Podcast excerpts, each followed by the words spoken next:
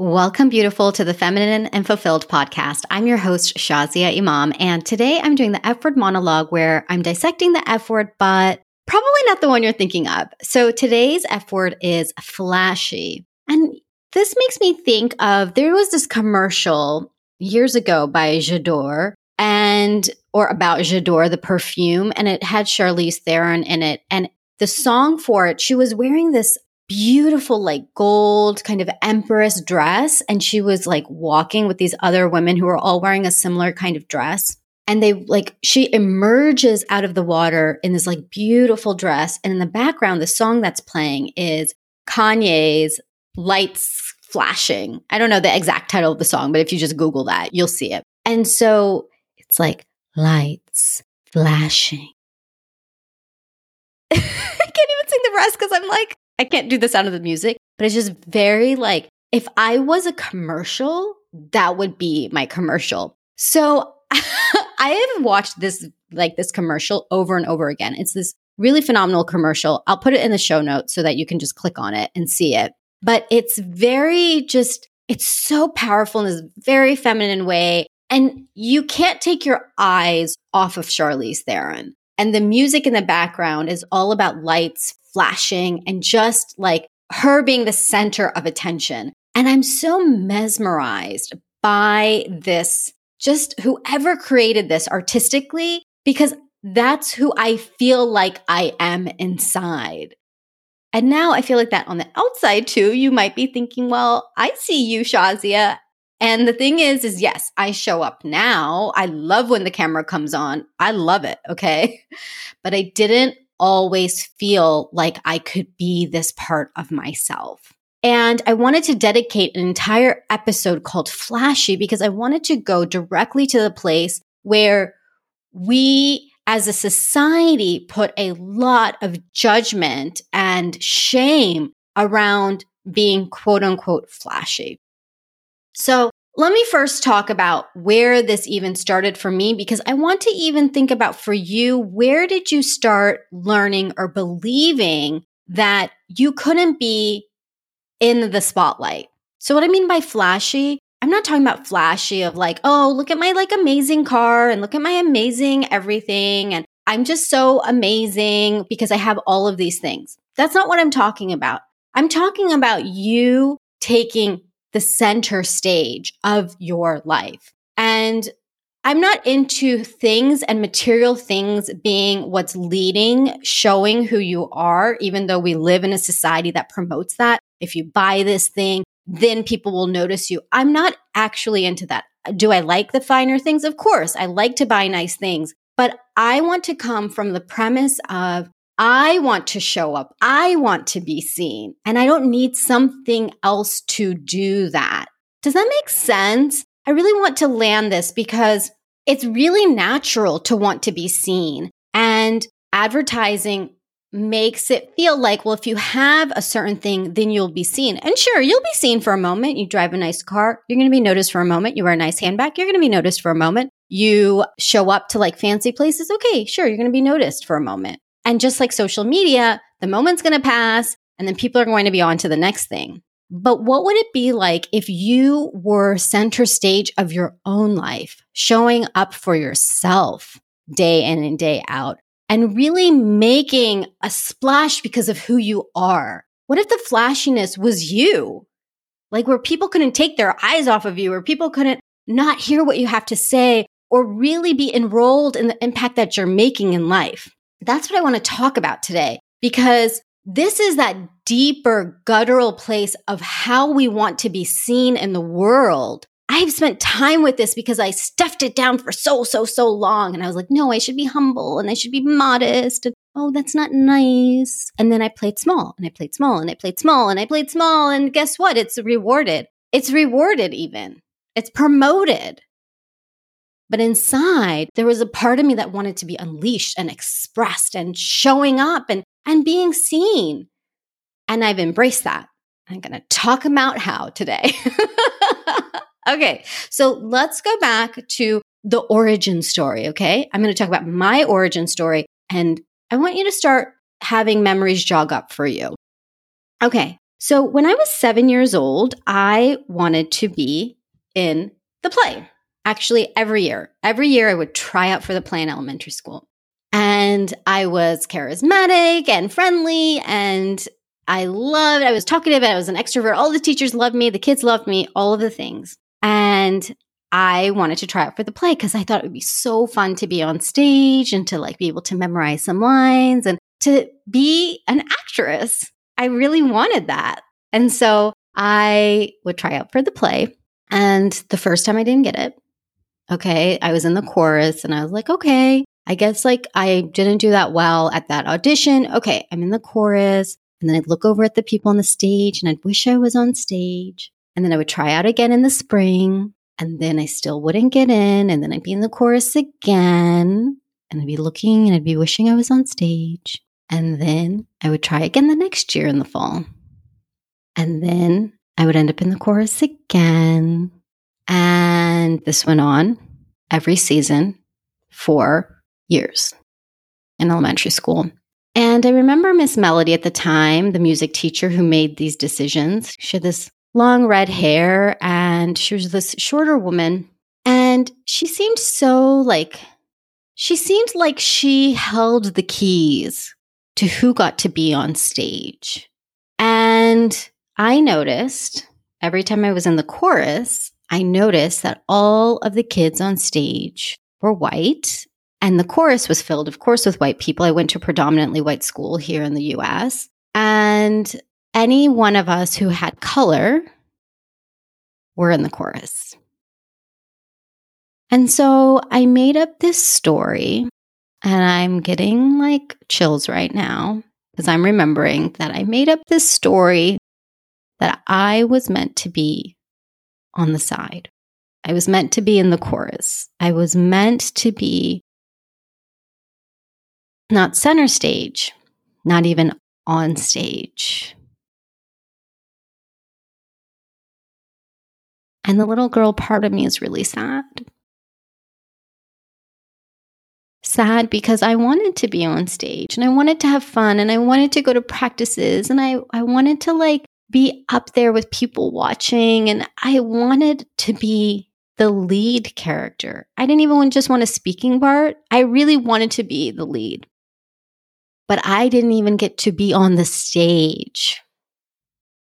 I didn't. And that is my origin story because that belief started the effect of me believing that I can't be in a lead role. I can't be on center stage. I shouldn't be seen. I'm not the right color. I'm not the right height. I'm not the right gender. I'm not the right whatever it is. I don't have that je ne sais quoi to be the person on center stage. And you might be really feeling this right now, beautiful. Like you might be remembering your own origin story. What was that moment that you started believing or we're told you can't be center stage. And it can be simply somebody saying, don't talk so much, don't talk so loud, don't laugh too loud, don't something too much.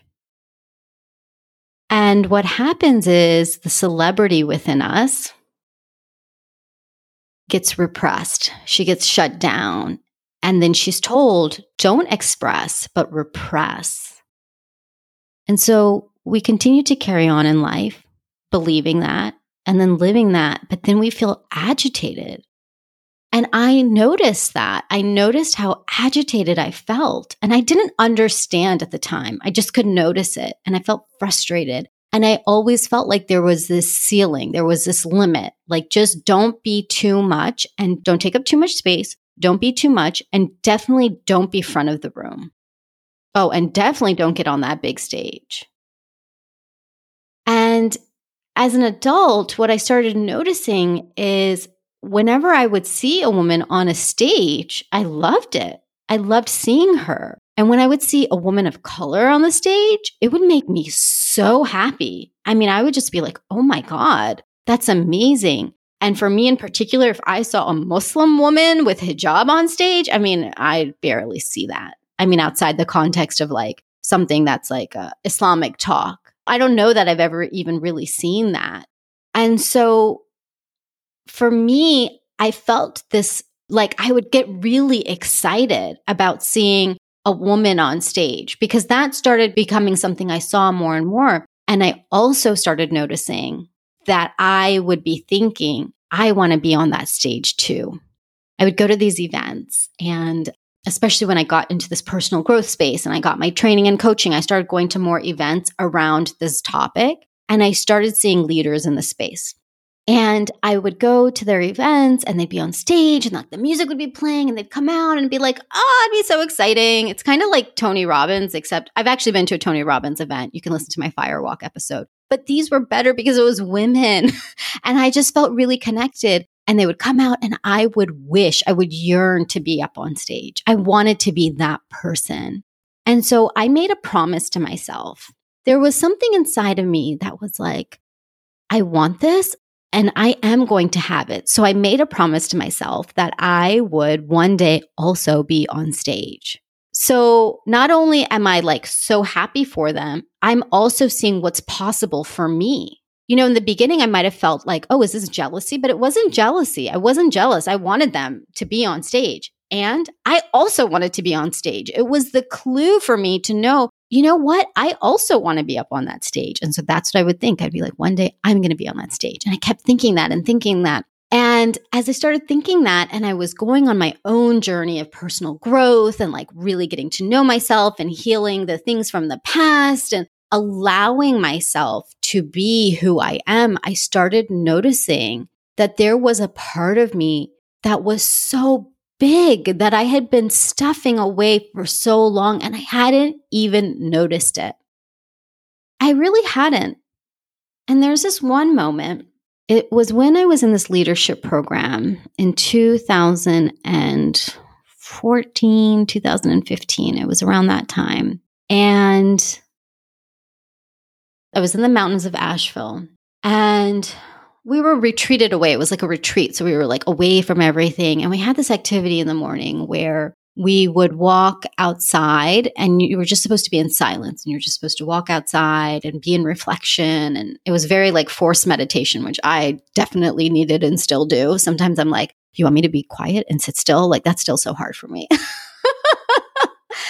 so here I am in stillness and I was near this pond at the retreat area. It's called Bend of Ivy, by the way. Bend of Ivy, that's where I was. So there was this beautiful little pond. So I was standing there and I remember asking in my heart, I asked the divine, I said, What do you want me to know? What do you want from me? This is when I was at the moment of like really searching for myself. And I'm looking down at the pond and I'm asking this question. And it's like I didn't even know. I just put this inquiry out. Oh, I'm getting chills again. Oh my God. Like whenever I go back to these moments that I share with you, I can feel them. I can feel them. Okay. So I send out this inquiry. What do you want from me? What's meant for me? What am I doing? And I remember looking up and there was this hill. So it went the pond, and then there was this big hill, and at the top of the hill, there was a tree. And it was this huge oak tree. And I looked up, and that oak tree like spoke to me. And when I looked at it, I knew it was the answer to what I had just been asking. And I felt in my heart this voice that said, Greatness. And you will also be this big one day. And you get to trust it. Now, I can't explain where this came from, but it was truly a divine answer. And I have it journaled actually. I have it in my notebook and I have a little sketch of that tree and that moment. And it felt so true. Like finally, like I could breathe. I could breathe. I could be me. And the divine was saying, go for it. This is who you are. You are like this huge oak tree that will continue to grow. You will continue to grow and get so big. And that's your path. Don't you feel that those words are meant for you, beautiful? Are you feeling it right now?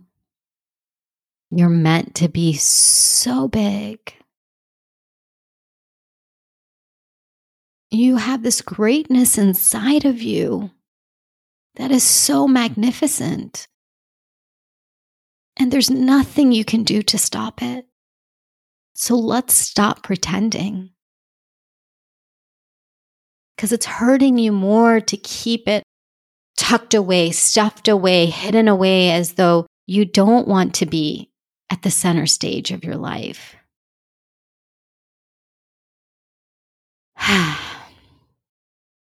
Let's express instead of repress and show up in your full glory with the impact that you're meant to make in this world, whatever that is. You get to give yourself that chance. Because the alternative, ugh, I was already living it. The alternative was boring, blah, agitating. That's a word I just use agitating. Like, I just, I'm like, why can't I be satisfied? Why do I feel like this? Why do I feel like there's always something more? And here the truth stood in front of me. It's because I wasn't standing in my greatness. And so I decided to receive, to accept, and to begin standing in my greatness. And you get to do the same thing, beautiful, because here's what happens. Every time I have accepted my truth, and in this moment, this is my truth, I know I have greatness inside of me. I know I'm meant to do something amazing. I know I am meant to be an impact. It's just so clear. I'm special. I'm so special. And here's the best part is that you believe the same thing about yourself. You do. It might be under layers and layers of conditioning. Okay. it could be where you're like, I don't know, Shazia. It could be like a little tiny, tiny whisper. Or it could be like, oh, yeah, Shazia, I know. I've been feeling like this for a long time. You are speaking my language. You are totally speaking my language. So Here's the thing if you are with me right now in this moment, you without a doubt are special, without a doubt. And there is nothing immodest or arrogant or not humble about claiming that. And we get to move away from that. We get to move away from that conditioning that happens to women that somehow we should be small, somehow we shouldn't be too much, somehow we shouldn't take up space and somehow we shouldn't be wild, that we should be so tame and nice. And that is not who you are, and that's not who I am. And so I want to tell you the end of the story, right? Because you might be thinking, but then what happens? What if I change? What if I become a bad person? Are you sure, Shazia? Maybe this is borderline arrogant. Mm-mm. No. No, it's not. Arrogance is when you believe that you are better than somebody else and you make somebody beneath you. It's not about being better than, that's not the conversation that you're having. It's the longing within us to be seen and to show up and make an impact. It is the longing to be expressed. It is a longing for freedom. That is truth. And when you can show up in this way, in this truth, it has such a phenomenal impact around you and a positive one. It has such a positive one. So here's a spoiler alert is that you don't change. You become more of who you are. It's like you turn on the technicolor of your amazingness and you're no longer trying to cast a gray cloud over yourself that, ugh, that feels yucky for everybody. That doesn't feel good. Do you even like to be around people with a gray cloud over them? No, Mm-mm. I hope not. I mean, if you do, you're definitely not, you're not here. The people who are like that are not here. You're not still listening. You are the person that when the technicolor is put on you, when the spotlight is put on you, you emanate that light for others to shine also. And that's what happened to me. What happened to me is that the more that I began to express myself and the more I began to show up, and I started showing up in pure delight, okay? Like just like having a great time, not being shy about who I am, being confident in myself. Like, really, I mean, you've heard my other episodes. You know how I show up. And guess what? It's infectious. It's infectious. People want that too because it's reflecting within you and it's reflecting in others too. And so it becomes a gift to others. It becomes this gift to others. And in turn, by allowing yourself to be in the spotlight and no longer repressed, you feel so much better. It's like there's no other way anymore. You can't go back. Once you've heard this, you can't go back. There's no going back. So let's talk about next steps. Here's how you can put it into action, okay? Because we have already identified clearly that you get to be expressed, okay? And it's good on the other side. So, where in your life, the first next step for you is where in your life are you suppressing yourself? Get really clear about that. Where are you not speaking up for yourself? Where are you just going with the crowd? Where are you just like trying to fit in? Oh, God, that was my story forever. I just wanted to fit in and be normal, and I just wanted everybody to like me. And I was such a people pleaser. So, where is that showing up for you? And decide, make a decision of where will you begin to express yourself. So I'm going to make this really simple. You're going to look at what you are suppressing and where would you like to be expressing. Very simply, when you identify where you are suppressing and where you would like to express, you will have the clear actions for you to move forward because then you get to take actions on stop suppressing and start expressing. So simple. And I always say things are so simple because I want to quiet the part of your mind that's like, oh, but that's so hard. How do I do it? This and that. I want you to know that you can do it. Sometimes things are purely that simple.